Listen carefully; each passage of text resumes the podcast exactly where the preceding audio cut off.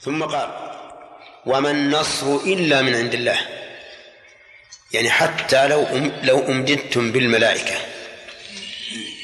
ثلاثة الآلاف أو خمسة الآلاف فليس النصر بهم. ولكن النصر من عند الله وهو الذي يهيئ أسباب النصر. هو الذي يهيئ أسباب النصر. فلا فلا تعتمد على غير الله سبحانه وتعالى مما جعله الله سببا. يا شاكر وين رحت؟ مما جعله الله تعالى سببا في في, في النصر. قال إلا من عند الله العزيز الحكيم. العزيز يعني ذو العزة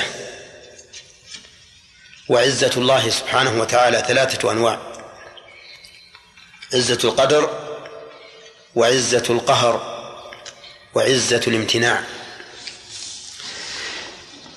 عزة القدر يعني الشرف والسيادة والفضل. مثل أن تقول هذا الشيء عزيز وجوده يعني أنه منفرد بالصفات الكاملة عن غيره. عزة القهر يعني الغلبة يعني أنه غالب. ومنه قوله تعالى فقال أكفلنيها وعزني في الخطاب. أي غلبني فيه. فالله سبحانه وتعالى له الغلبة. كما قال تعالى يقولون يعني المنافقين لئن رجعنا إلى المدينة ليخرجن الأعز منها الأذل. فسلم الله لهم ذلك. أن الأعز يخرج الأذل. ولكن لمن العزة؟ ولله العزة ولرسوله وللمؤمنين. ولكن المنافقين لا يعلمون. إذن عزة الغلبة يعني القهر يعني الغلبة. أنه غالب غالب لكل شيء. ومن الشعر الجاهلي أين المفر والإله الطالب؟ والأشرم المغلوب ليس الغالب. نعم. يقول الثالث عزة الامتناع. يعني أنه يمتنع أن يناله السوء سبحانه وتعالى أو النقص. وهو مأخوذ من قولهم أرض عزاز يعني صلبة قوية لا تؤثر فيها المعاول. فصارت العز العزة التي يتصف الله بها ثلاثة ثلاثة أنواع. اذكرها يا خالد. عزة القدر وعزة القهر وعزة الامتنان أي نعم. وش معنى ما معنى عزة القدر؟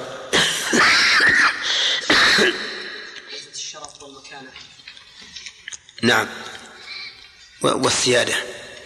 طيب. عزة القهر. يعني عزة الغلبة. عزة الغلبة يعني أنه غالب لا يغلبه شيء. شاهد يا فهد على أن العزة تأتي بمعنى الغلبة. نعم. هو الله عز وجل وعزني بمعنى غلبة. بمعنى غلبة. الثالث عزة الامتناع. إيش معناها؟ الله سبحانه امتنع عن ينال السوء ونقص. أو نقص. منه قوله أرض العزاز أي صلب. قوية نعم.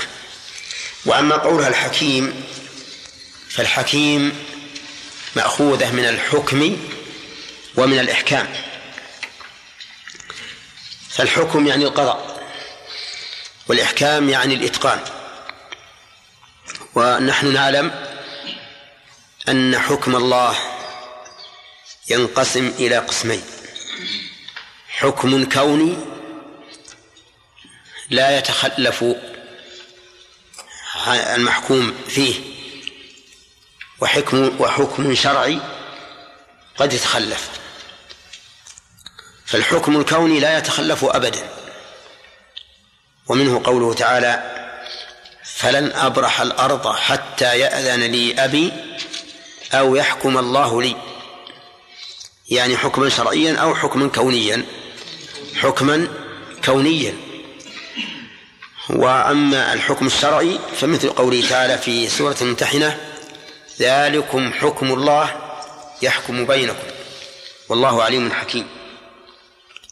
ومنه قوله أفحكم الجاهلية يبغون؟ ومن أحسن من الله حكما لقوم يوقنون. فإذا الحكم ينقسم إلى كوني وشرعي. ثم إن في كل منهما حكمة. يعني ما من حكم كوني أو شرعي إلا مقتر إلا وهو مقترن بالحكمة. لأن قلنا إنها مأخوذة من الحكم والإحكام. فالحكم الكوني لا بد أن يكون له حكم حكمة. والحكم الشرعي لا بد أن يكون له حكمة.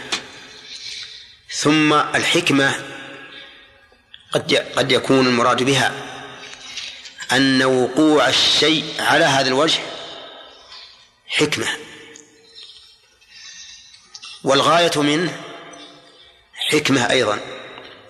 فتكون الحكمة في صورة الشيء والحكمة الثانية في في الغاية منه. فوجود فكون الصلاة الصلوات على هذا الوجه هذا حكم. حكمة تتعلق بصورة العمل. والغاية منها حكمة تتعلق بالمراد من هذا من هذا العمل. فإذا قلنا الآن الحكمة إما في الحكم الكوني أو الحكم الشرعي وإما أن تكون في صورة الشيء أو في غايته. صار عندنا أقسام كثيرة. وكلها داخلة في قوله تعالى الحكيم. طيب. وربط العزة بالحكمة يفيد معنى ثالثا. غير المعنى المستفاد من العزة على انفراد أو الحكمة على انفراد. وذلك لأن العزيز قد تغلبه العزة حتى يتصرف تصرف الطيش. والسفه كما قال تعالى وإذا قيل له اتق الله أخذته العزة بالإثم لكن عزة الله عز وجل لا تخرج عن الحكمة مع أن له العزة المطلقة فإنها فإن هذه العزة لا تخرج عن الحكمة لن يفعل شيئا على وجه السفه إنما يفعله على وجه الحكمة ثم قال الله عز وجل ليقطع طرفا. نعم. نأخذ الفوائد. قبل. قال الله عز وجل ولقد نصركم الله ببدر وأنتم أذلة. إلى آخره. في هذه الآية امتنان الله سبحانه وتعالى على رسول الله صلى الله عليه وسلم وأصحابه بنصرهم في بدر. والنصر لهم نصر للأمة إلى يوم القيامة. ومن فوائد الآية أن أن الإنسان بغير نصر الله لا يستطيع أن ينتصر لأنه إذا كان جند الله الذين هم أعظم جند كان على وجه الأرض وهم رسول الله صلى الله عليه وسلم معه لم ينتصروا بأنفسهم وإنما انتصروا بنصر الله فمن سواهم من باب أولى. ويتفرع على هذه الفائدة أننا لا نعلق النصر إلا بالله سبحانه وتعالى. لا نعلق النصر بقوتنا ولا بقوة مساندة لنا وإنما نعلق النصر بالله وحده. ونجعل هذه الأشياء المادية التي يكون بها النصر نجعلها أسبابا قد تتخلف عنها مسبباتها لأن النصر يكون من عند الله وحده. ومن فوائد هذه الآية أنه كلما كان الإنسان أذل لله كان أقرب إلى إلى نصر الله. وكلما كان الإنسان مستغنيا عن الله كان أبعد عن النصر. لقوله وأنتم أذلة. والإنسان إذا رأى من نفسه العزة وعلى وشمخ فإنه يخذل. قال الله تعالى كلا إن الإنسان لا يطغى أن رآه استغنى ومن فوائد الآية الكريمة أن النصر لا يكون بسبب بكثرة العدد ولا بقوة العدد. بل هو من عند من عند الله سبحانه وتعالى. لكن كثرة العدد وقوة العدد مما أمرنا الله به وجعله سببا للنصر. كما قال تعالى وأعدوا لهم ما استطعتم من قوة ومن رباط الخيل ترهبون به عدو الله وعدوكم وآخرين من دونهم من ورائهم. لا تعلمونهم الله يعلمهم. ولهذا يجب على ولاة الأمة الإسلامية أن يعدوا أعظم سلاح يفتك بالأعداء. من أجل إذا احتاجوا إليه يستطيعون المهاجمة مهاجمة العدو أو المدافعة إذا اعتدى عليهم أحد. وأما الأسلحة التقليدية التي تعتبر في وقتنا الحاضر مثل الحمير بالنسبة للخيل في الوقت السابق. فهذه لا تكفي. إلا إذا كان الإنسان لا يستطيع فإنه معذور. لكن إذا كان يستطيع فالواجب أن يجهز نفسه بكل ما يستطيع من قوة لأن أعداء الإسلام يتربصون به الدوائر ويريدون أن يقضوا على المسلمين بكل وسيلة فإذا لم يكن عندنا سلاح نكبتهم به ونخزيهم به ونذلهم به فإننا لم نقم بما أوجب الله علينا وأعدوا لهم ما استطعتم من قوة. طيب وهنا يقول فاتقوا الله من فوائدها أن من من الله عليه بنعمة كان ذلك موجبا لتقوى الله. فالنصر سبب للتقوى والذل لله والخضوع له والانطراح بين يديه. كما فعل النبي صلى الله عليه وسلم حين فتح مكة دخل مطأطئا رأسه يتلو كتاب الله عز وجل خلافا لما يفعله الناس اليوم أو بعض الناس إذا انتصر جعل هذا النصر سببا للأشر والبطر والملاهي والأغاني وغير ذلك. من المعاصي بل قد يكون بعد النصر أكثر منه فسوقا مما قبل الحرب. وهذا خلاف ما أمر الله به لأن الله قال ولقد نصركم الله فاتقوا الله. فأمر بالتقوى بعد النصر لئلا يشمخ الإنسان بأنفه ويتطاول على ربه بانتصاره فيعود إلى ما كان عليه من الفرح والبطر والأشر ومن فوائد هذه هذه الآية أن تقوى الله تعالى من الشكر. أن تقوى الله من شكر الله. لقوله تعالى لعلكم تشكرون. وهذا أمر لا شك فيه. أن التقوى من الشكر بل هي الشكر حقيقة. لأن التقوى اتخاذ وقاية من عذاب الله بفعل أوامره واجتناب نواهيه والشكر هي القيام هو القيام بطاعة المنعم في القلب واللسان والجوارح عرفت الشكر هنا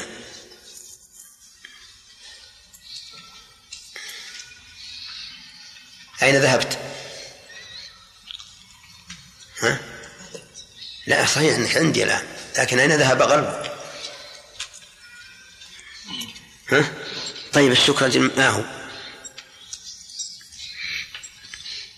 شوف اللي جنبك. والقيام بطاعة الله بالقلب واللسان والجوارح. نعم. القيام بطاعة المنعم بالقلب واللسان والجوارح. طيب. ثم قال الله تعالى إذ تقول للمؤمنين ألا يكفيكم إلى آخره؟ من فوائدها ما كان عليه النبي صلى الله عليه وسلم في معاملة أصحابه من إدخال الأمل في قلوبهم. إدخال الأمل في قلوبهم عند اشتداد الأزمات. وهذا هذه الطريقة السليمة. لأنك إذا أدخلت الأمل على الناس نشطوا. ونسوا ما هم فيه من الهم والغم. أما بعض الناس فيكون على العكس. تجده يدخل على الناس باب التشاؤم. التشاؤم والمروعات والمخيفات. وكل ما قلنا انتهت هذه المروعات جاءنا ما هو؟ أشد ترويعا.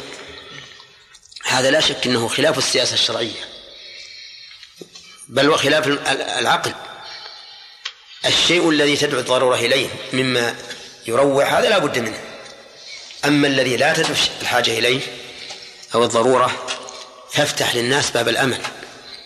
فالرسول عليه الصلاة والسلام يقول لما أنهم خافوا من إمداد المشركين بعضهم بعضا قال لهم هذا الكلام. ألن يكفيكم أن يمدكم ربكم بثلاثة آلاف من الملائكة منزلين.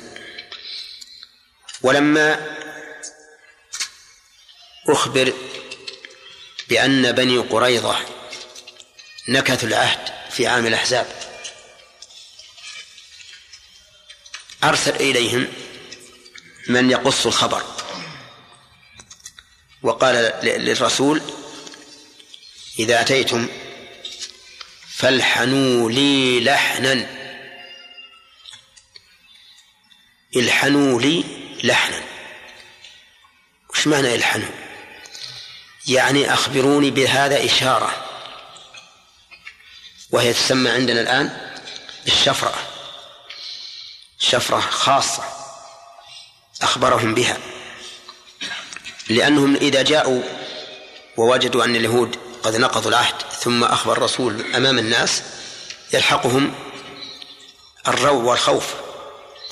فقال الحنوا لي لحنا. فلما رجع رجعوا إلى الرسول عليه الصلاة والسلام وأخبروه أن بني قريظة نقضوا العهد لكن ما هو بلفظ صريح باللحن الذي أرشدهم إليه. قال أبشروا أبشروا وكان المتوقع لو كان مثل بعض قادتنا أن يقول والله هذه مصيبة جاءنا عدو جديد. نعم. ثم دخل ملأ القلوب رعبا. لكن الرسول عليه الصلاة والسلام قال أبشر. ولما كانوا يحفرون الخندق واعترضتهم كدية صخرة شديدة عجزوا عنها جاءوا إلى النبي صلى الله عليه وسلم. وأخبروه. فجاء ونزل في الخندق وأخذ المعول فضربه ضربة انقدح منها شعاع. قال في الأولى أضاءت منه قصور كسرى أو قيصر وفي الثانية قصور كسرى أو قيصر في الثالثة قصور اليمن صنعاء. فقال أبشروا. مع أن الله تعالى قال عنهم في تلك الحال إذ جاءوكم من فوقكم ومن أسفل منكم وإزاغت الأبصار وبلغت القلوب الحناجر وتظنون بالله الظنون. الآن مثلا هنا في, في هذه الأحداث نجد أن الطاغي قد تخلخل. وظهر فيه الخلل ولا إشكال فيه. ثم يأتي بعض الناس يقول لا عنده قوة عظيمة مدخرة بيخليها في آخر وقت في آخر الوقت. الله أكبر. الآن قد بشرك الله سبحانه وتعالى بما يدل على أن الله سيكفي المسلمين شره. ثم تأتي وتروع الناس تقول لا عنده عنده قوة بس بيخليها آخر شيء. من قال لك هذا؟ إن كان هذا محتملا فالأول أقرب احتمال. ما في شك أنه أقرب. لأن كل إنسان لا يمكن أن يتظاهر بهزيمة أمام عدوه أبدا. ولهذا ينبغي لنا أن أن ندخل على الناس باب الأمل. والمقدر سيكون. سواء أدخلنا باب الأمل الذي ينشطهم ولكن نعم ينشطهم ويدخل عليهم السرور وينسيهم الغموم أو أدخل أدخلنا عليهم باب باب المروعات والمقبضات حتى أن الإنسان تيبس أمعاءه على بطنه. هذا ما هو صحيح. أنت أدخل الأمل وما أراد الله سوف يكون. ما أراد الله سوف يكون. ولكن مع ذلك أنا أقول إنما يكون إدخال الأمل حينما يتعلق القلب بالله عز وجل وتنقطع الحيل إلا من عند الله سبحانه وتعالى. نعم. من فوائد الآية الكريمة إثبات الربوبية الخاصة لقوله أن يمدكم ربكم. والربوبية نوعان عامة وخاصة. ففي قوله تعالى الحمد لله رب العالمين. هذه عامة. وفي قوله ربكم هنا خاصة. وكذا وقد اجتمع النوعان في قوله تعالى عن سحرة فرعون الذين من الله عليهم بالإيمان.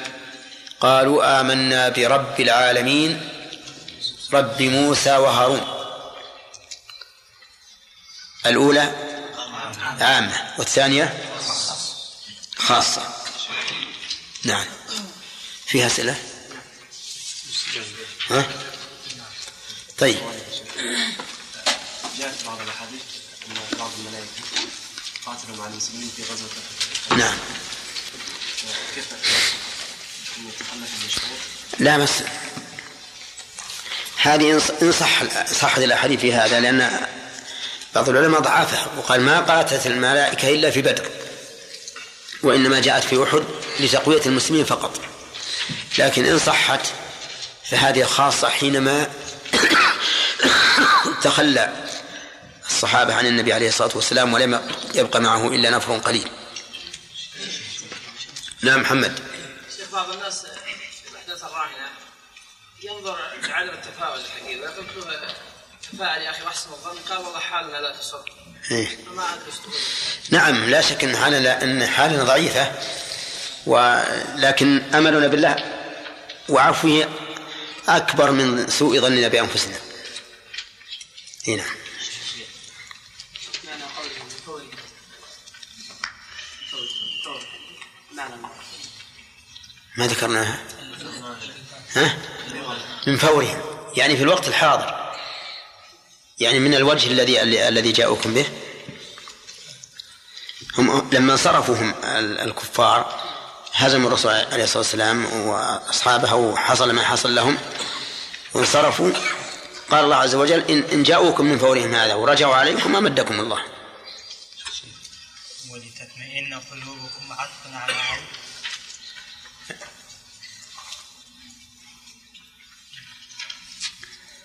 وش تقولون؟ يقول ولتطمئن على إيش؟ معطوفة. بشرى. على بشرى. ها؟ إذا كان على بشرى بشرى وهذا وهذا مما يؤيد أنها مفعول من أجله. هنا وإذا كان مفعول به. لا إذا كان مفعول به قدر فعل. قدر. يعني نعم يعني وأخبركم الله لتطمئن به قلوبكم. نعم. شيخ السؤال الثاني يجوز؟ يجوز. يجوز. بشرط أن يوافق الإخوان. توافقون؟ الله تبارك وتعالى أرسل ثلاثة آلاف من الملائكة في, في مع الصحابة مع أن واحد جبريل يكفي للجميع. إيه. نقول ألف لأن هذه هم ذكرنا أنه ما, ما- حصل ال- الإمداد لأن الشرط لم يحصل على القول الصحيح. لكن الألف الألف من الملائكة في بدر نعم نعم. يكفي ملك واحد لا شك. ويغني عن ذلك أيضا كلمة واحدة من الله. تغني عن الملائكة وعن البشر. أليس كذلك؟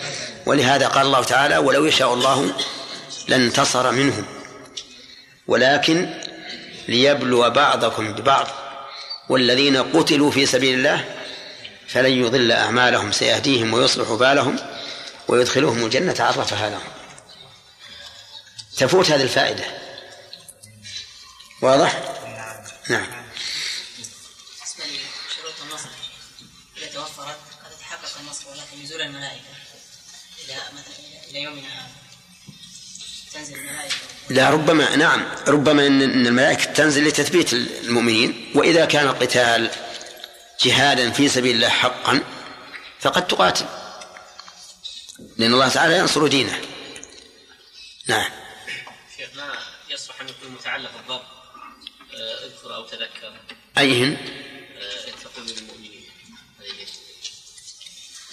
يصلح إذا لم يمكن لأن لأن التقدير الأصل فيه الأصل عدمه.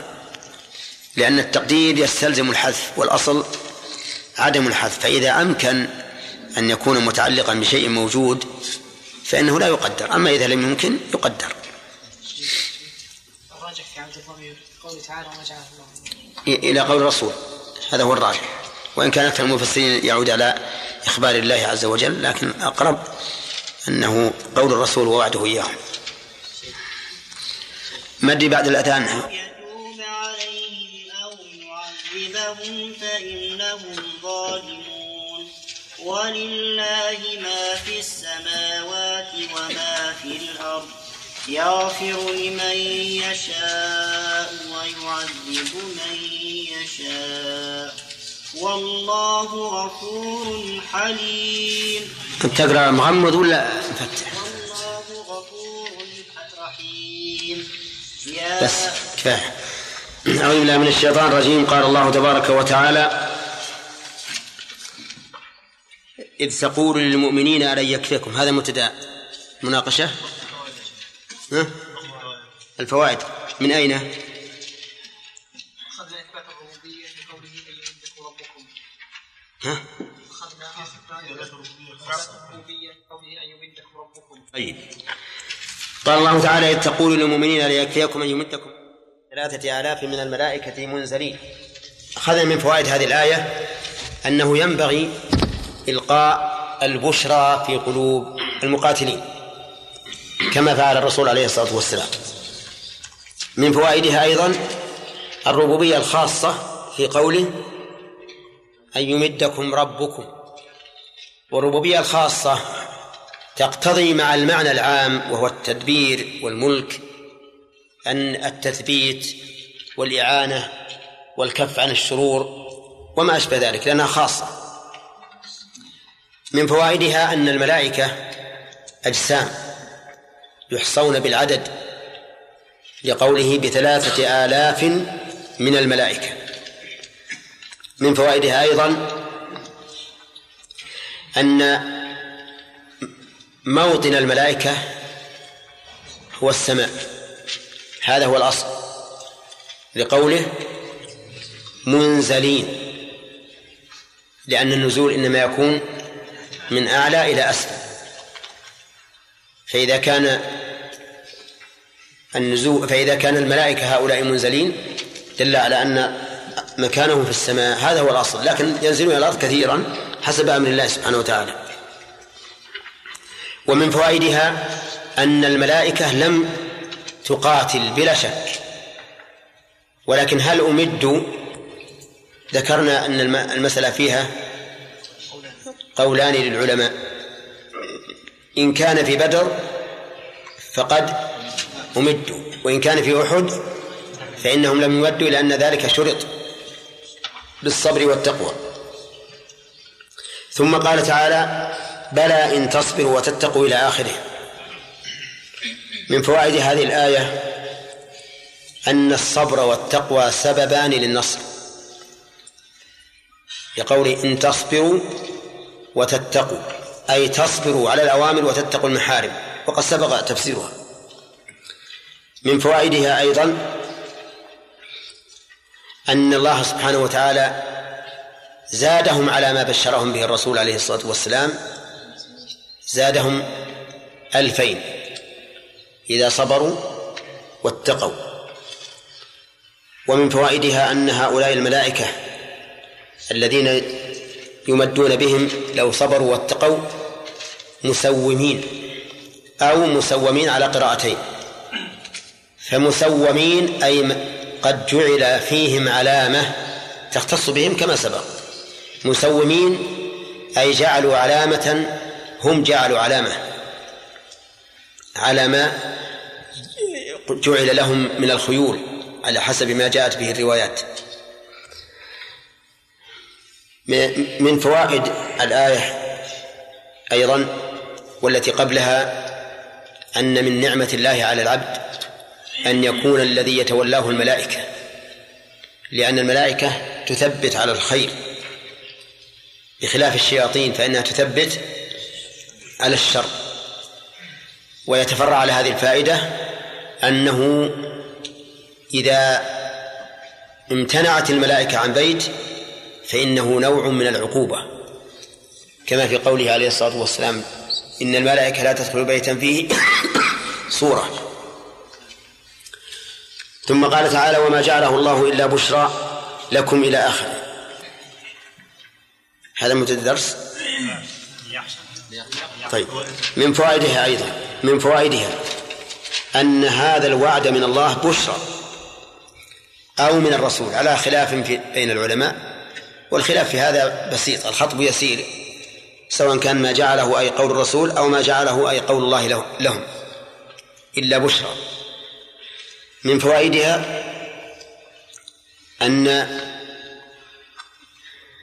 إمداد الشخص بما يعينه سبب لسروره وبشارته لقوله وما جعله الله إلا بشرى وسبب لطمأنينة قلبه وثبوته وسكونه لقوله ولتطمئن به قلوبكم ومن فوائدها أنه مهما عظمت الأسباب إذا لم يؤيد الله الإنسان بنصر فإنه لن ينتصر. لقوله بعد ذكر هذا الإمداد وما النصر إلا من عند الله. ومن فوائدها أنه يجب على المرء مع فعل السبب أن يعتمد على ربه وأن يؤمل النصر منه سبحانه وتعالى. ومن فوائدها الآية الكريمة أن النصر من مقتضى اسمه العزيز الحكيم. ومن فوائدها أنها أن الله لن ينصر إلا من اقتضت الحكمة نصره. لقوله العزيز الحكيم. ولا يرد على هذا أن الله سبحانه وتعالى جعل للمشركين نصرا في غزوة أحد. لأننا نقول هذا النصر فيه فائدة عظيمة للمسلمين. فيه فائدة عظيمة للمسلمين. فهو حكمة. انتصار المشركين في أحد لا شك أنه حكمة ترتب عليه فوائد عظيمة تذكر إن شاء الله في الآيات. منها قوله ليقطع طرفا من الذين كفروا. اللام هنا للتعليل. والفاعل في قوله يقطع يعود إلى الله سبحانه وتعالى. والمراد بالقطع هنا الإهلاك أي ليهلك طرفا. والجار والجار مجرور اللام هذه متعلقة إما بقوله ولقد نصركم الله ببدر ولكن هذا ضعيف لأنه بعيد يعني أنه جاءت آيات كثيرة تفصل بين العامل والمعمول وهذا لا نظير له. وإما أن يكون متعلقا بمحذوف. تقديره فعل ذلك ليقطع طرفا. وهذا القول أصح. فتكون اللام متعلقة بفعل محذوف يقدر على وجه مناسب. قوله من الذي ليقطع طرفا من الذين كفروا أي ليهلكهم.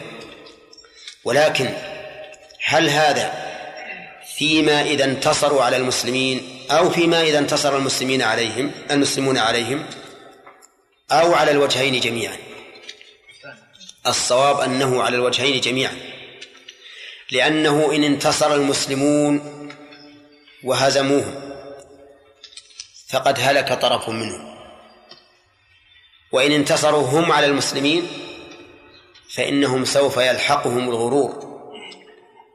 ونشوة النصر ثم يعيدون الكرة مرة ثانية وحينئذ يقضى عليه.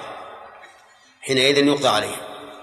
فتكون فيكون الوجهان حاصلان أو فيكون الوجهان حاصلين سواء غلبوا أم غلبوا. وقوله طرفا من الذين كفروا. الطرف طرف الشيء هو منتهاه. من أسفل أو من أعلى.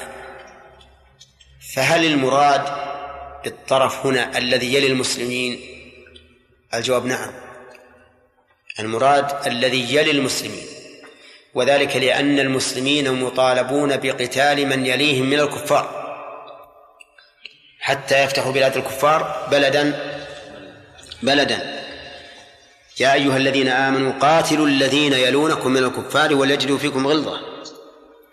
وهذا كما أنه سنة الله الشرعية فهو أيضا موافق للفطرة لأنه ليس من الحكمة أن تذهب إلى البعيد تقاتله وتترك القريب.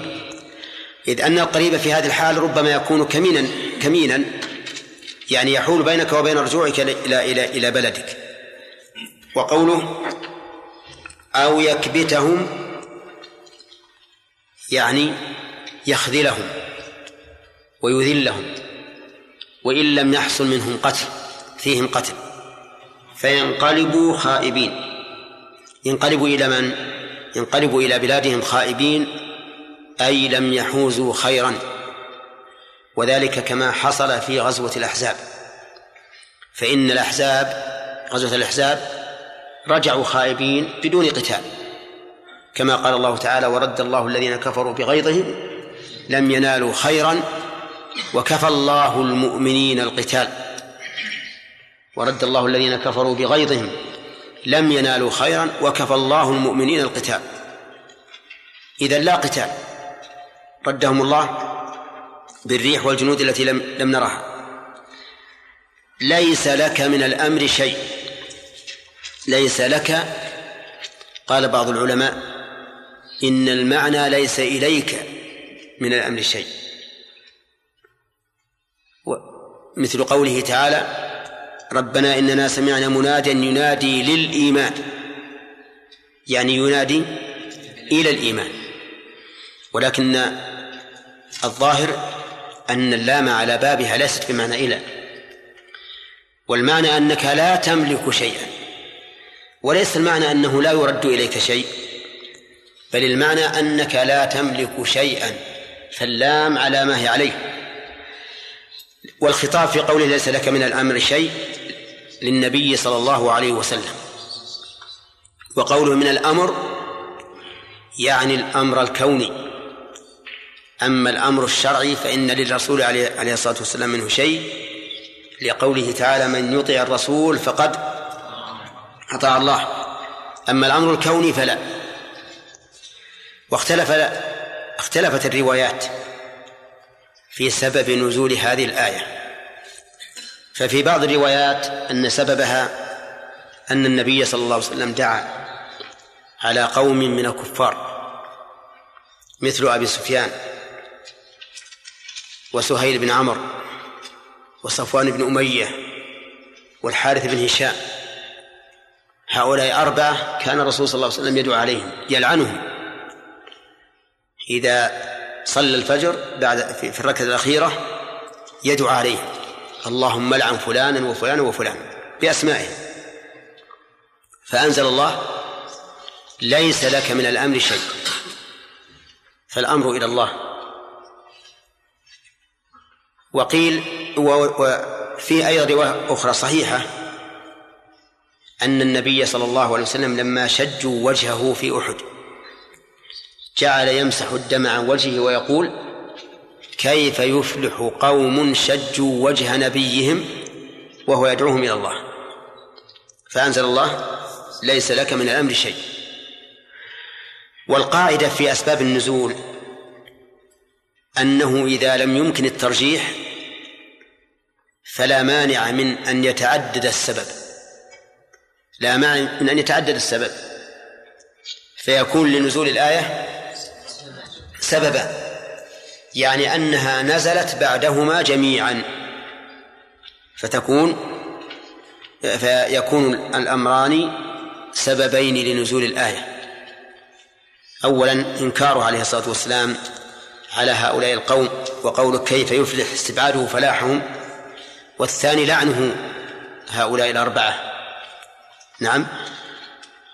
ولا ولا ولا محذور في ذلك. فإن الآية قد يكون لنزولها سببان وقوله أو يتوب عليهم. أو يتوب عليهم. قيل إنها معطوفة على يقطع.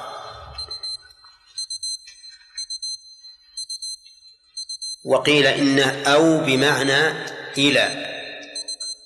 أن يتوب عليهم. فعلى القول الأول لا إشكال في الآية. ويكون الله ويكون الله عز وجل ذكر عاقبة هؤلاء الكفار أربعة أمور.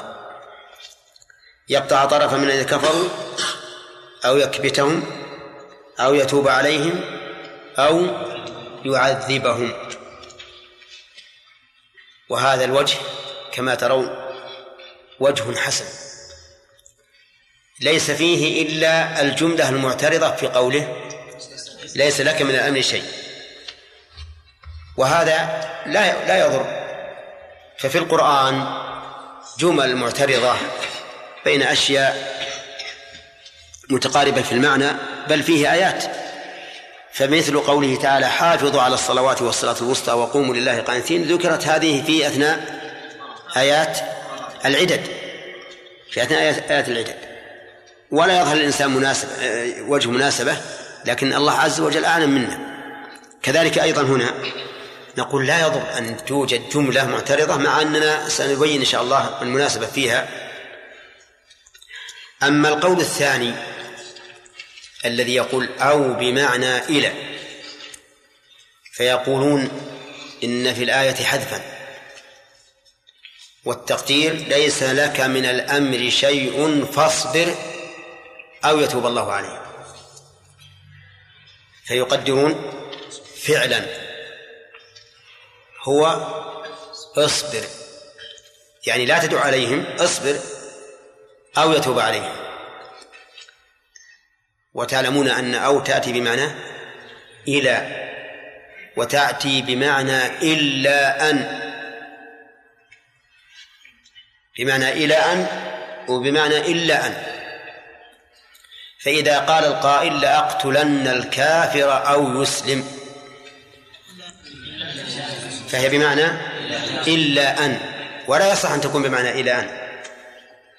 وإذا قال لألزمن الغريم أو يقضيني ديني فهي بمعنى إلى أن. طيب. وقوله يتوب عليهم وذلك بهدايتهم للإسلام لأن الكلام الآن في الكافرين. وتوبة الله على الكافر أن يهديه للإسلام. وتوبته على الفاسق أن يرده عن الفسق إلى الطاعة. وتوبة الله على العبد قسمان توبة سابقة وتوبة لاحقة. وتوبة العبد متوسطة بينهما. وهذا وهذا مذكور في سورة التوبة. قال الله تعالى ولقد تاب الله على النبي والمهاجرين والأنصار الذين اتبعوه في ساعة العسرة. من بعد ما كاد يزيغ قلوب فريق منهم ثم تاب عليهم إنه بهم رؤوف رحيم. وعلى الثلاثة الذين خلفوا حتى إذا ضاقت عليهم الأرض بما رحبت وضاقت عليهم أنفسهم وظنوا أن لا ملجأ من الله إلا إليه ثم تاب عليهم ليتوبوا. تاب عليهم ليتوبوا. هذه التوبة السابقة.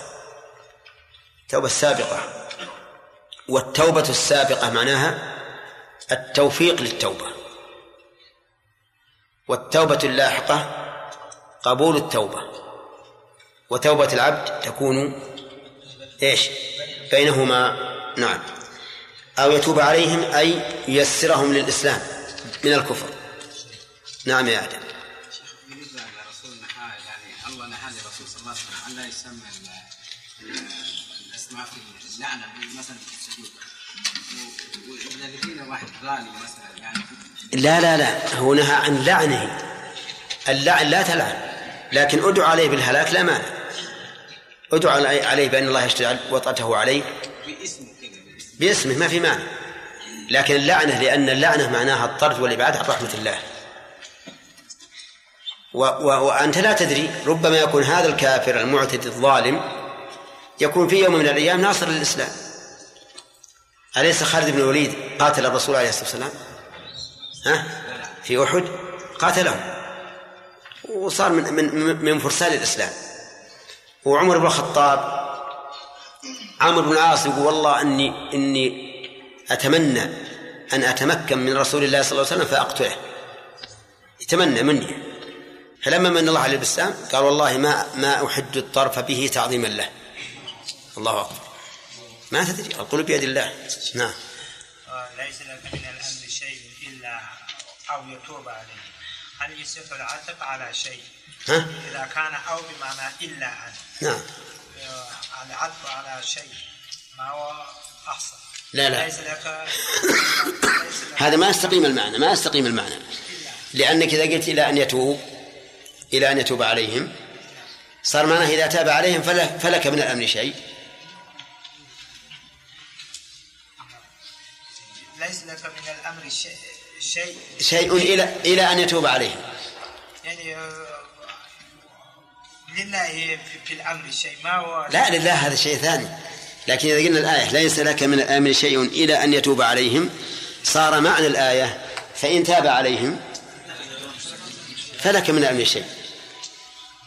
ولهذا أنكر ابن جرير هذا المعنى. قال هذا ما يصح. لأن الأمر لله سواء تاب عليهم أو ما تاب عليهم.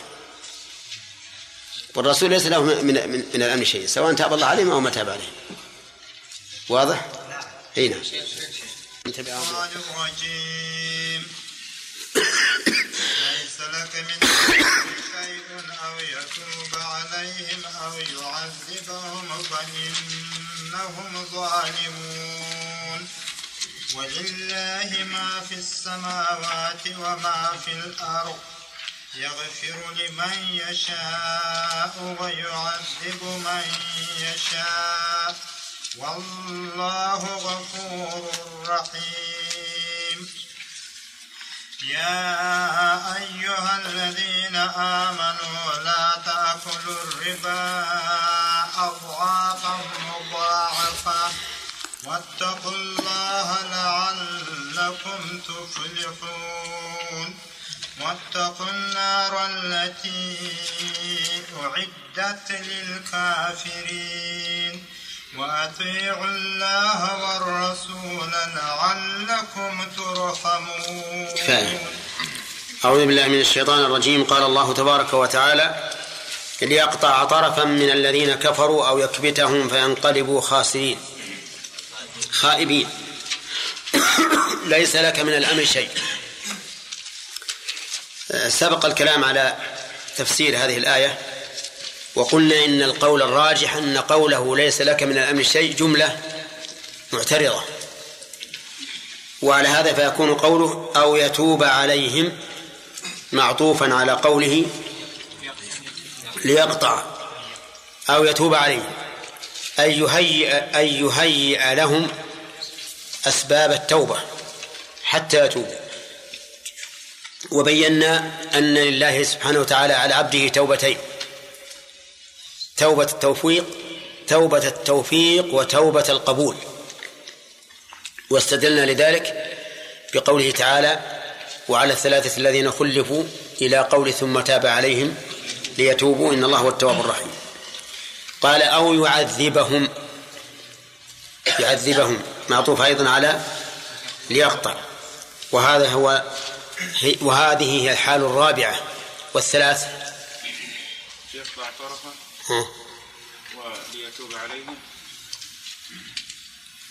ويكبتهم أو يكبتهم. قال أو يعذبهم. أي يعذبهم بعذاب من عنده. فهذا كقوله قل هل تربصون بنا إلا إحدى الحسنيين ونحن نتربص بكم أن يصيبكم الله بعذاب من عنده أو بأيدينا.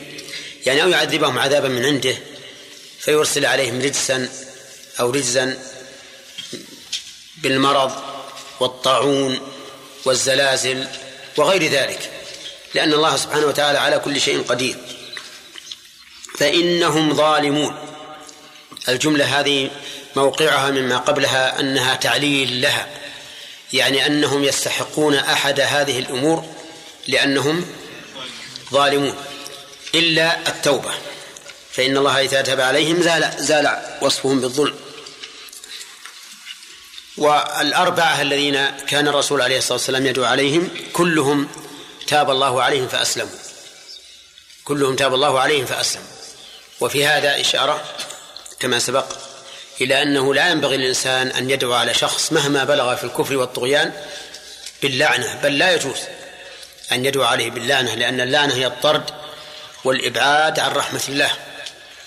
ولا يحل لك أن تتحجر رحمة الله. فقد يمن الله على هذا الكافر المجرم فيتوب. كما أنه سبحانه وتعالى قد يمن على الفاسق الذي لم يصل إلى حد الكفر فيستقيم وتصلح حاله. من فوائد هذه الآية أظن وما جعل الله له بشرى؟ ها؟ الفوائد. نعم. من فوائد هذه الآية ليقطع طرفا. إثبات الحكمة لله عز وجل في أفعاله وتشريعاته. وذلك لأن اللام للتعليل والتعليل هو الحكمة. ومن فوائد هذه الآية أن الله سبحانه وتعالى يسلط المؤمنين على الكفار ليقطع طرفا من الذين كفروا. وليس كل الذين كفروا لأن من حكمة الله أن يبقى الإيمان والكفر متصارعين دائما حتى يتبين المؤمن الخالص من من غيره. ومن فوائد الآية الكريمة أن مآل الكفار واحد من هذه الأمور الأربعة.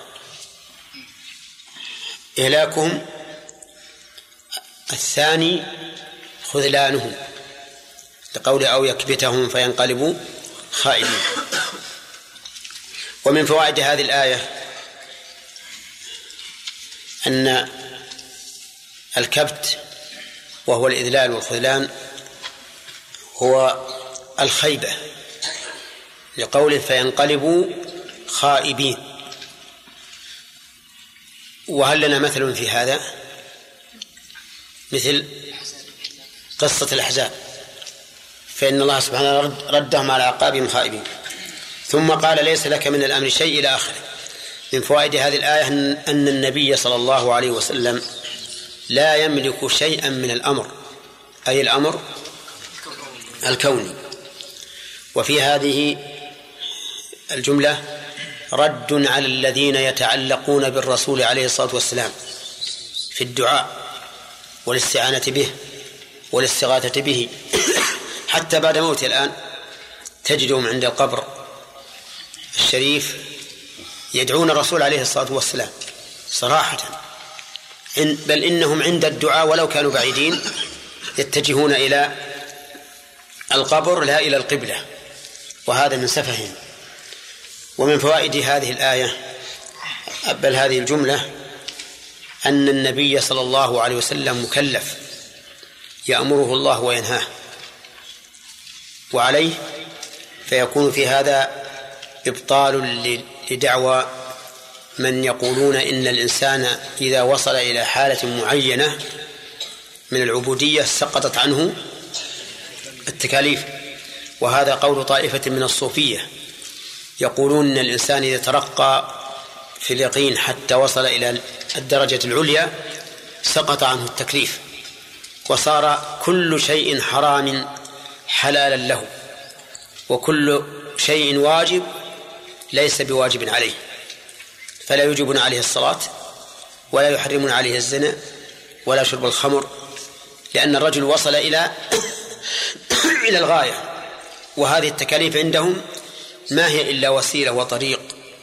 إذا وصل الإنسان إلى الغاية سقطت الوسيلة. فقالوا لو أنك سافرت إلى بلد ووصلت إلى إلى هذا البلد هل تحتاج إلى شيء إلى طريق تمشي فيه؟ لا. هم يقولون كذلك. العبادة طريق تصل به إلى غاية معينة إذا وصلت إليها سقطت عنه. فيقال لهم إذا كان النبي عليه الصلاة والسلام وهو أشرف الخلق لا يصل إلى هذه المرتبة فما بالك بمن دونه. من فوائد الآية الكريمة أن الله تعالى قد يتوب على أعتى الناس وأشدهم كفرا. لعموم قوله أو يتوب عليهم. ومن فوائدها أيضا أن الله قد يعذب الكافرين عذابا ليس للمسلمين فيه يد بل هو من عند الله وحده لقوله أو يعذبهم.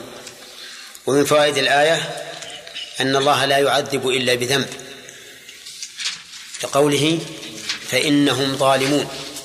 والظالم مستحق لأن ينكل الله به لأن الله تعالى لا يحب الظلم. بل إنه قال في الحديث القدسي إني حرمت الظلم على نفسي وجعلته بينكم محرما فلا تظالموا. ثم قال الله تعالى ولله ما في السماوات وما في الأرض.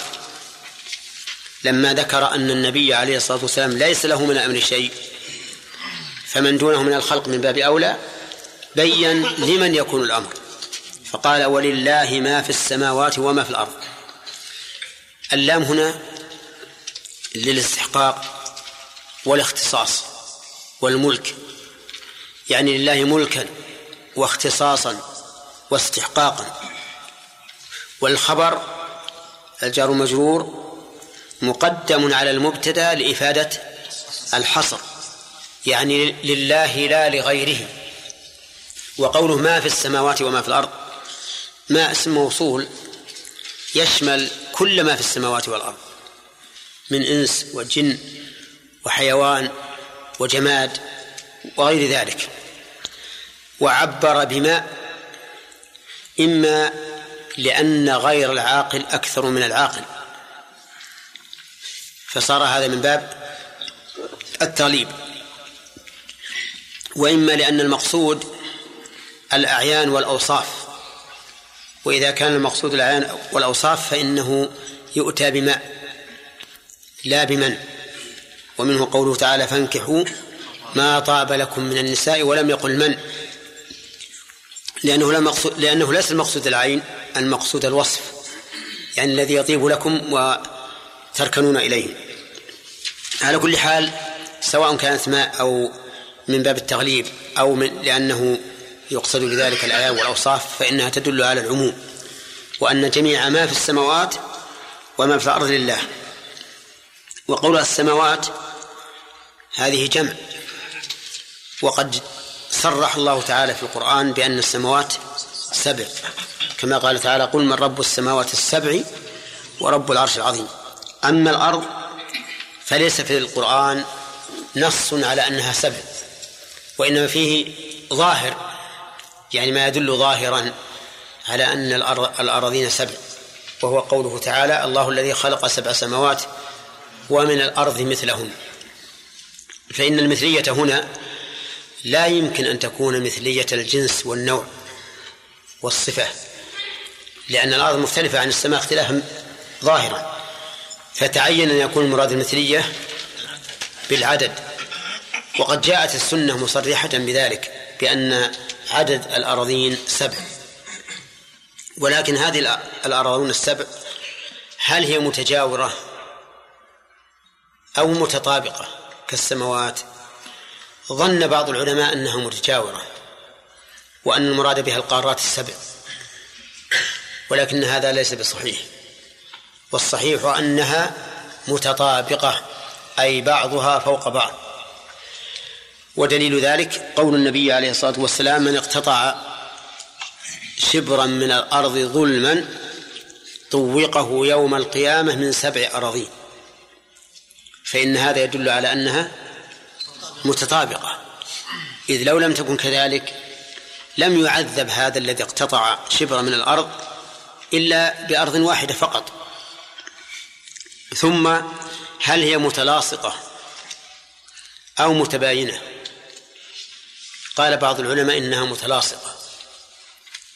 وقال آخرون بل هي متباينة أي بين كل طبقة أي بين كل أرض والأخرى فاصل هواء والله أعلم بذلك. الله أعلم وربما نطلع عن طريق العلم الحديث على الراجح من هذين القولين. وقول ما في السماوات وما في الأرض قال يغفر لمن يشاء ويعذب من يشاء. يغفر مضارع من المغفرة والمغفرة هي ستر الذنب والتجاوز عنه مأخوذة من المغفر الذي يوضع على الرأس عند القتال. فإنه ساتر للرأس وواق للرأس. أليس كذلك؟ ساتر وواقي فالمغفرة هي ستر الذنب والتجاوز عنه. وقوله لمن يشاء. هذه الآية مقيدة. بماذا؟ مقيدة بالحكمة. أي من اقتضت حكمته أن يغفر له غفر له. هذا واحد. ثانيا مقيدة بما عدا الشرك. فإن الله يقول إن الله لا يغفر أن يشرك به ويغفر ما دون ويغفر ما دون ذلك لمن يشاء. لكن المشرك لو لو أسلم لغفر الله له. لقوله تعالى قل للذين كفروا إن ينتهوا يغفر لهم ما قد سلف. فيكون إذن من يشاء أي من اقتضت الحكمة المغفرة له. لأن مشيئة الله مقرونة. بالحكمة. يستثنى من ذلك من؟ المشرك لقوله إن الله لا يغفر أن يشرك به ويغفر ما دون ذلك لمن يشاء. ما لم يتب فإن تاب غفر له.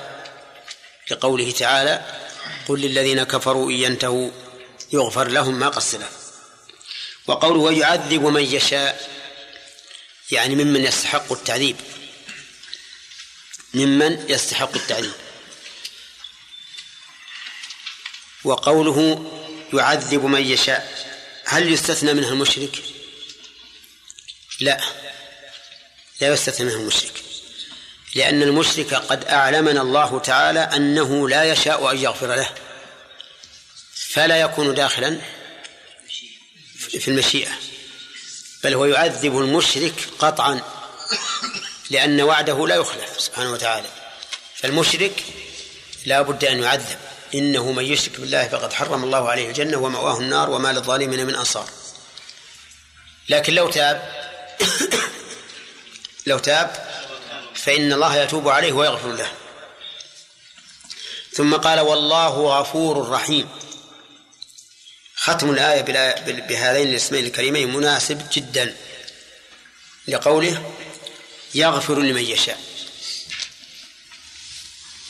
فلكونه غفورا صار يغفر لمن يشاء. طيب الغفور اسم من أسماء الله. المتعدية أو اللازمة؟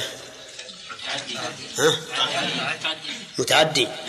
إذن لا يتم الإيمان بها إلا بثلاثة أمور. الإيمان بأنها اسم من أسماء الله. والثاني الإيمان بما تضمنته من صفة. والثالث الحكم. المترتب على هذه الصفة وهو أنه يغفر. يعني ليس غفارا بلا مغفرة بل هو يغفر.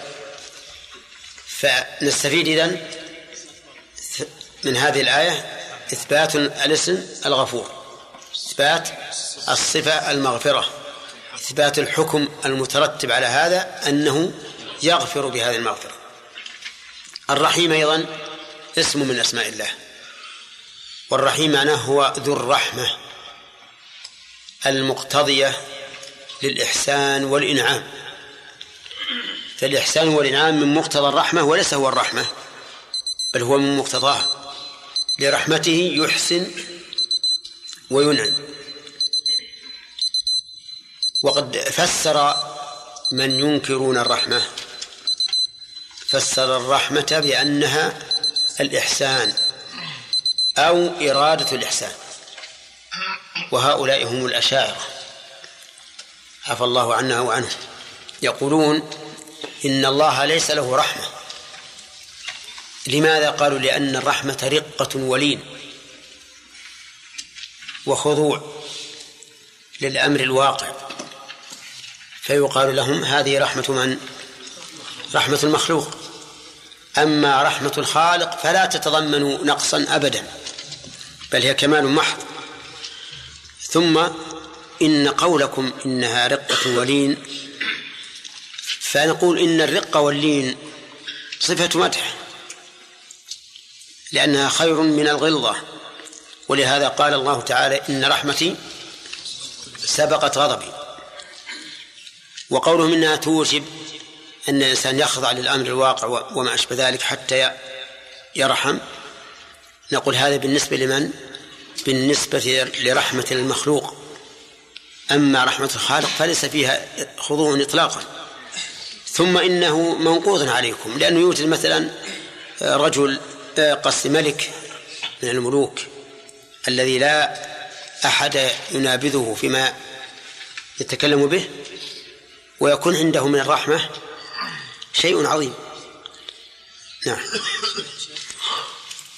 مثلا إذا واحد نصحته في شيء نعم. إذا نصحته واحد يعني منكر في المنكر و- واحتج بهذه الآية ليس لك من الأمر شيء. إي. نعم. أقول ليس لي من الأمر شيء الأمر الكوني. أنا ما أملك أني أهديك. لكن لي من الأمر اللي هو النصيحة أن أن أنصحك. قال الله تعالى ولتكن منكم أمة يدعون إلى الخير ويأمرون بالمعروف. هنا شيخ لا يكون التعبير بما يعني قطعا هو الوجه الثاني الذي ذكرته وليس ال- يعني غير المعقول أكثر لأن الله تعالى يقول يعني فيهم الملائكة والملائكة يقول الله فيهم وما يعلم جنود ربك إلا هو. إي نعم. كذلك الحديث ليس في السماء موضع الأصبع عن الأرض صحيح. لكن الملائكة جنس واحد. الملائكة جنس واحد. والبشر. لا والبشر جنس واحد. غير البشر ما شاء الله أجناس إلا- ما ما تحصى. يعني ما يعقل إيه اللي ما يعقل. اجناس لا تحصى اخرج للسوق عند الأطعمة شوف عندك ذر كبير وذر صغير وحشرات أخرى و... ما تعقل يا شيخ. اي هذه إحنا نقول غلب ما لا يعقل. إيه. نعم. شيخ ذكرنا تحريم اللعن المعين نعم. كان لكن الوصف يا شيخ مثلا بفسق أو بشيء هل لنا مثلا مثل إيش؟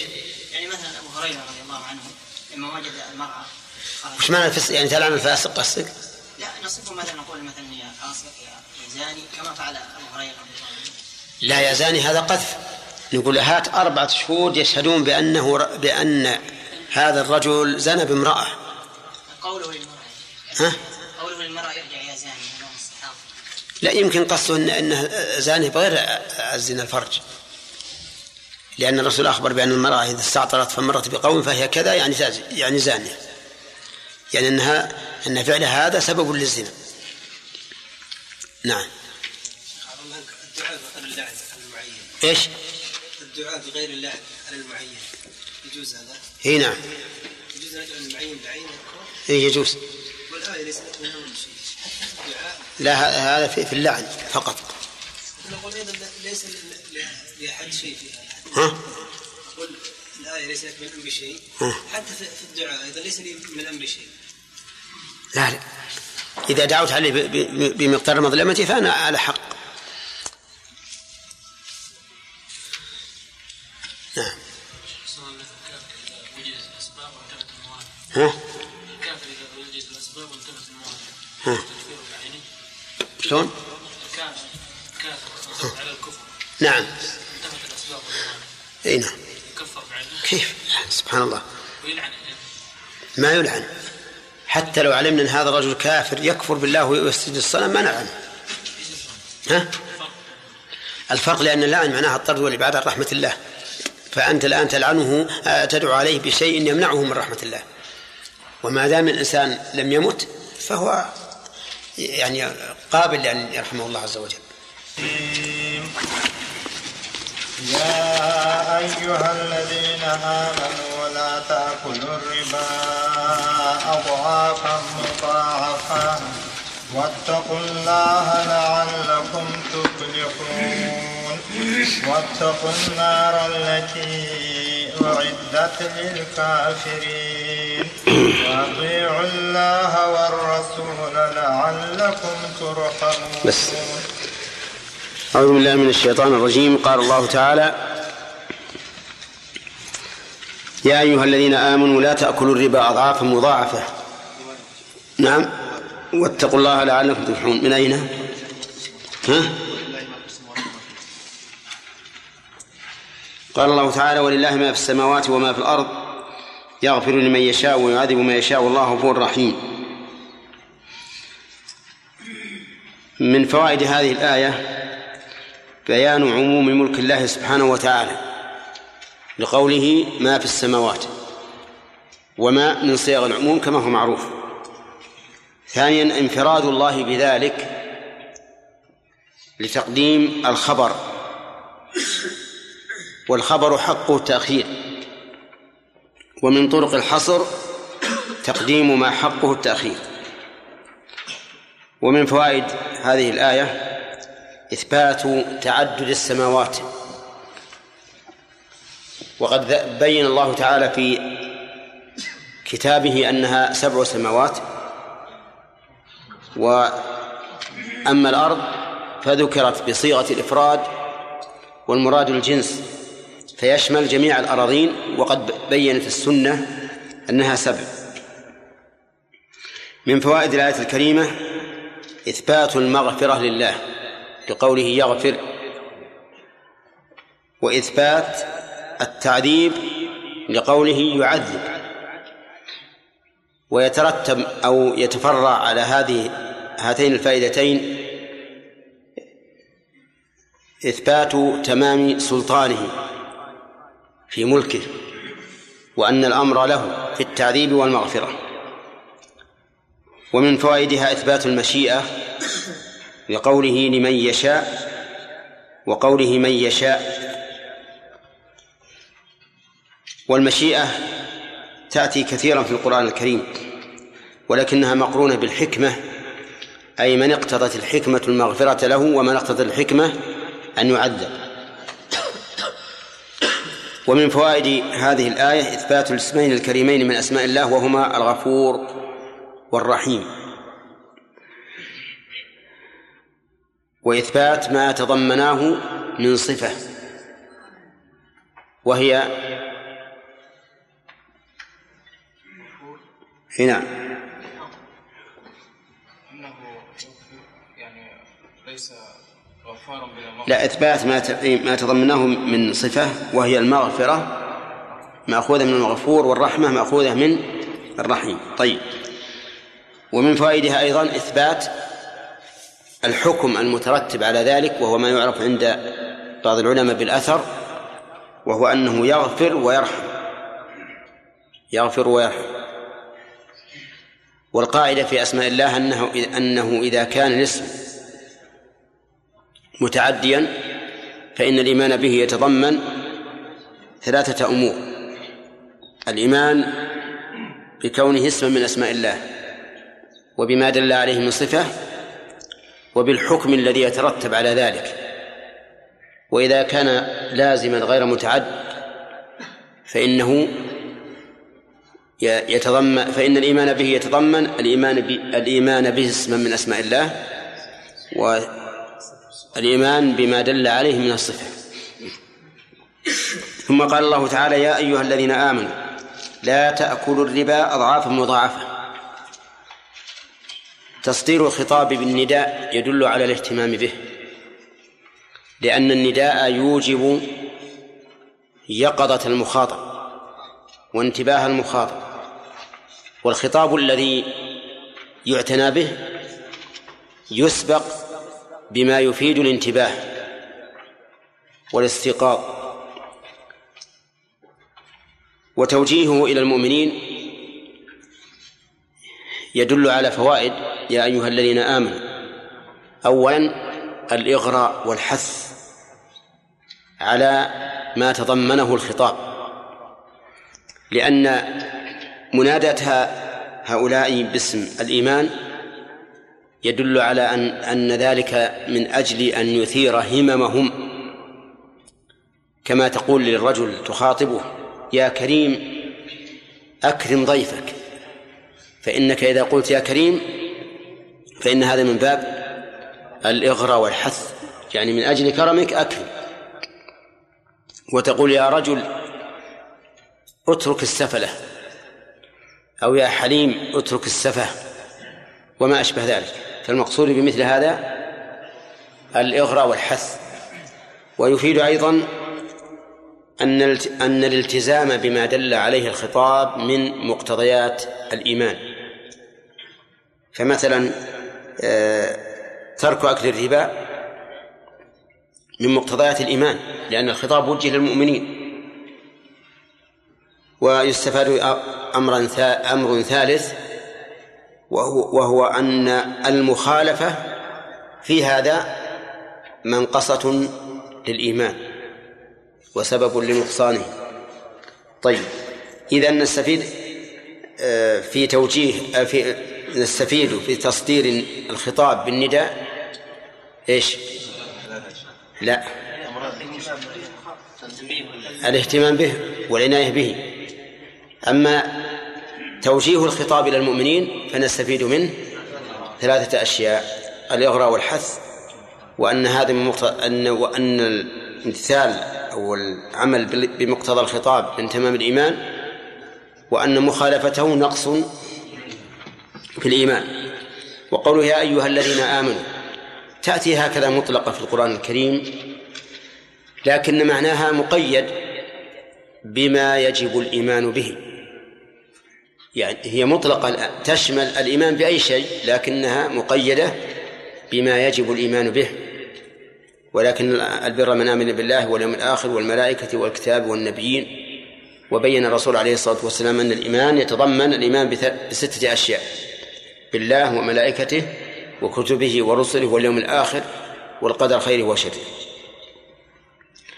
ثم الإيمان المراد به ليس مجرد التصديق فقط بل الإقرار المتضمن أو المستلزم للقبول والإذعان. أما مجرد أن يصدق الإنسان بالشيء فإنه ليس بمؤمن. فأبو طالب مثلا مصدق بأن محمد رسول الله صلى الله عليه وسلم ومع ذلك لم ينفعه لأنه لم يقبل ولم يذعن. فلا بد من قبول وش بعد؟ وإذعان يعني يعني انقيادا. يا أيها الذين آمنوا آمنوا بإيش؟ بما يجب الإيمان به وهي الأمور الستة التي بينها الرسول عليه الصلاة والسلام أن تؤمن بالله وملائكته وكتبه ورسله واليوم الآخر والقدر خير وشر. لا تأكلوا الربا أضعافا مضاعفة. لا تأكلوا الربا. الأكل معروف. وخلافه الشرب واللبس والسكنى والانتفاعات الأخرى.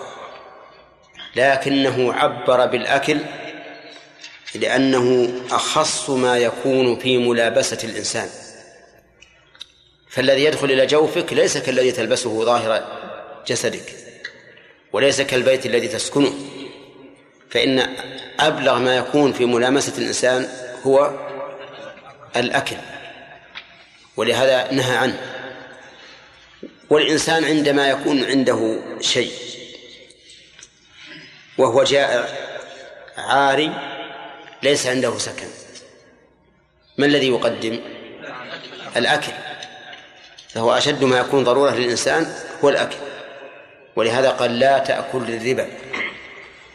وقوله لا تأكل الربا الربا في اللغة الزيادة. ومنه قوله تعالى فإذا أنزلنا عليها الماء اهتزت وربت. يعني علت. ومنه الربا جمع رابية للمكان المرتفع من الأرض. والمراد بالربا هنا الربا الشرعي وهو زيادة ونساء. زيادة ويسمى ربا الفضل ونساء ويسمى ربا النسيئة. ويكون الربا في أموال خاصة.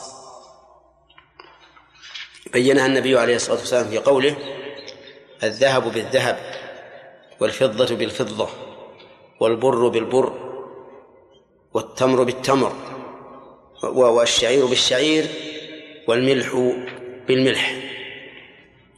هذه الأشياء الستة متفق على جريان الربا فيها. فإذا أبدل جنس بمثله لزم فيه شيئان التساوي والتقابض في مجلس العقد. وإذا بيع بغير جنسه لزم فيه أمر واحد وهو التقابض في مجلس العقد. إلا بين الذهب والفضة وسواهما فإنه لا يشترط التقابض في مجلس العقد. واضح؟ إذن الأموال الربوية ستة. البر الذهب والفضة والبر والشعير والتمر والملح. إذا بيع واحد منها بمثله لزم فيه أمران وهما يا آدم؟ تقابض نعم. هذا التقابض في مجلس العقد. والثاني؟ التماثل. التماثل يعني أن يكون سواء. وإذا بيع بغير جنسه ما عدا الذهب والفضة فإنه يشترط التقابض في مجلس العقد فقط دون التساوي. طيب أما الذهب والفضة فإذا بيع أحدهما بالآخر فلا بد فيه من التقابض. وإذا بيع أحدهما بالأجناس الأخرى الأربعة فإنه لا يشترط التقابض. معلوم؟ طيب فإذا بعت ذهبا بذهب لزم التساوي وزنا والتقابض فلا يجوز أن تبيع غراما بغرامين ولو كان يدا بيد. وهذا يسمى ربا الفضل لأجل الزيادة. ولا يجوز أن تبيع غراما بغرام بغرام ولكن مع عدم القبض. ويسمى هذا ربا النسيئة. وإذا بعت ذهبا بفضة غراما بعشرة يجوز لكن يدا بيد. لكن يدا بيد. وإذا بعت فضة ببر. ها. لا يشترط لا تقابض ولا تساوي. لماذا؟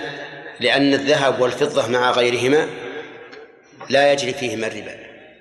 لا يجري فيهما الربا. يعني فيجوز أن نشتري منك صاع بر بدرهمين وإن لم أقبضك. وإن لم وكذلك لو قبضتك ولم تقبضني كل هذا جائز.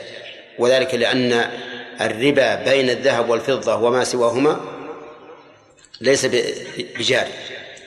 طيب فالدليل على اشتراط القبض والتساوي في الجنس الواحد قول النبي عليه الصلاة والسلام الذهب بالذهب والفضة بالفضة والبر بالبر والشعير بالشعير والتمر بالتمر والملح بالملح مثلا بمثل سواء بسواء يدا بيد. فإذا اختلفت هذه الأصناف فبيعوا كيف شئتم إذا كان يدا بيد. فقال إذا اختلفت هذه الأصناف فبيعوا كيف شئتم إذا كان يدا بيد.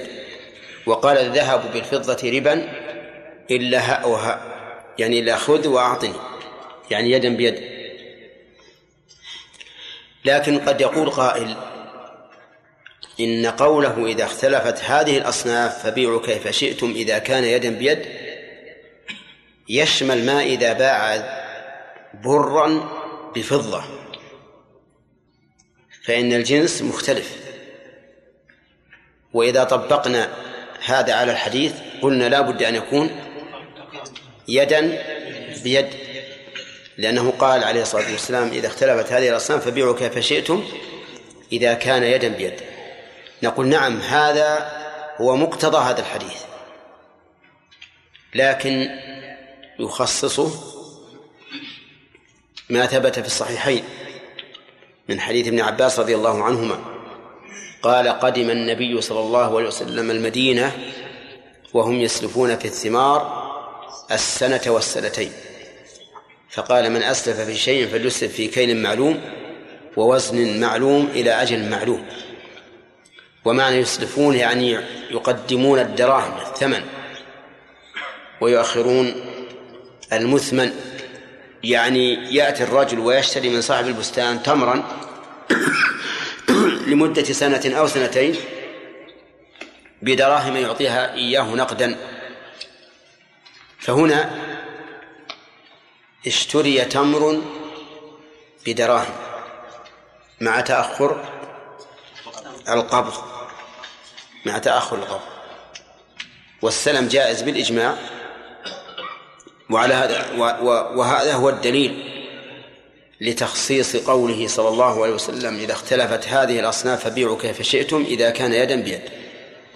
طيب إذا باع صاع صاعا من البر بصاعين من الشعير يدا بيد. ما تقولون؟ جائز.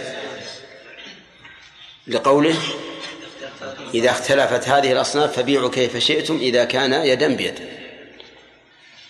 طيب. إذن الربا يكون في أموال خاصة وهي ستة بنص الحديث. أما ما عداها فإن من أهل العلم من قال ليس فيها ربا. ليس فيها ربا. كل شيء سوى هذه الستة لا, لا ربا فيه. ومن العلم من قال إن من كان إنما كان بمعناها فله حكمها. فالأوراق النقدية المستعملة الآن بدلا عن النقد يكون لها حكم ذلك النقد. فإذا كانت أوراق عن فضة يعني جعلت عوضا عن فضة فلها حكم الفضة. لكن إذا اختلف جنسها دخلت في عموم قوله فإذا اختلفت هذه الأجناس فبيعوا كيف شئتم إذا كان يدا بيد. كذلك أيضا الذرة والرز ليس من الأصناف الستة لكنهما بمعنى الأصناف الستة. فإنك لا تجد فرقا بين البر والرز أو بين الشعير والذرة كل منهما طعام يقتات. طيب الفواكه كالبرتقال والعنب هل فيها ربا؟ ليس فيها ربا. فيجوز أن تعطيني كيلوين بكيلوين ونصف أو بثلاثة. من العنب يعني كيلوين عنب بكيلوين ونصف عنب لا بأس. لأن هذا لا يجري فيه الربا. طيب سيارة بسيارتين. ها؟ يجوز. يجوز لأن ما هي من الأصناف الستة. بعير ببعيرين. يجوز لأنها ليست من الأصناف الستة. طن من الحديد بطن ونصف. يجوز. لأنه ليس من الأصناف الستة. وعلى هذا فقس. فأنت إذا عرفت الأصناف الستة وما كان بمعناها تماما فما عدا ذلك فقد قال الله فيه وأحل الله البيع وحرم الربا. نعم. طيب. آه، لو باع ثوبا بثوبين. يجوز ولو مع عدم التقابض ولو مع عدم التقابض لأن هذا لا يجري فيه الربا.